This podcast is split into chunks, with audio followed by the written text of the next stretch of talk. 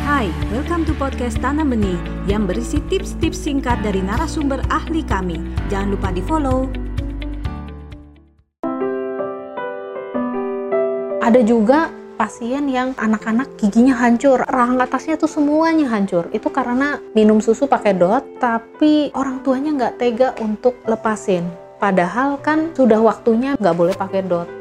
6 sampai 12 bulan di mana dia harus pindahkan transisi ke yang sedotan kek atau minum pakai gelas. Seringkali orang tua tuh nggak tega mungkin atau ya anaknya nangis kalau nggak ada dot dok gitu.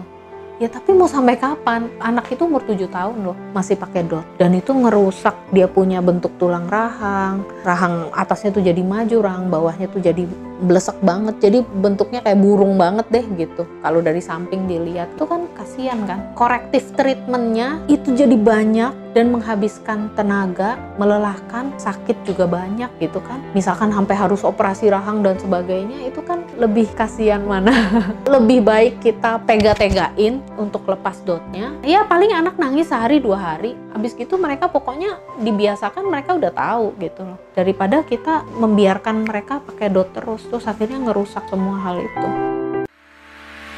Anda baru saja mendengarkan tips dari Tanam Benih Foundation. Mari bersama-sama kita terus belajar untuk menjadi orang tua yang lebih baik demi generasi yang lebih baik. Jangan lupa follow podcast kami.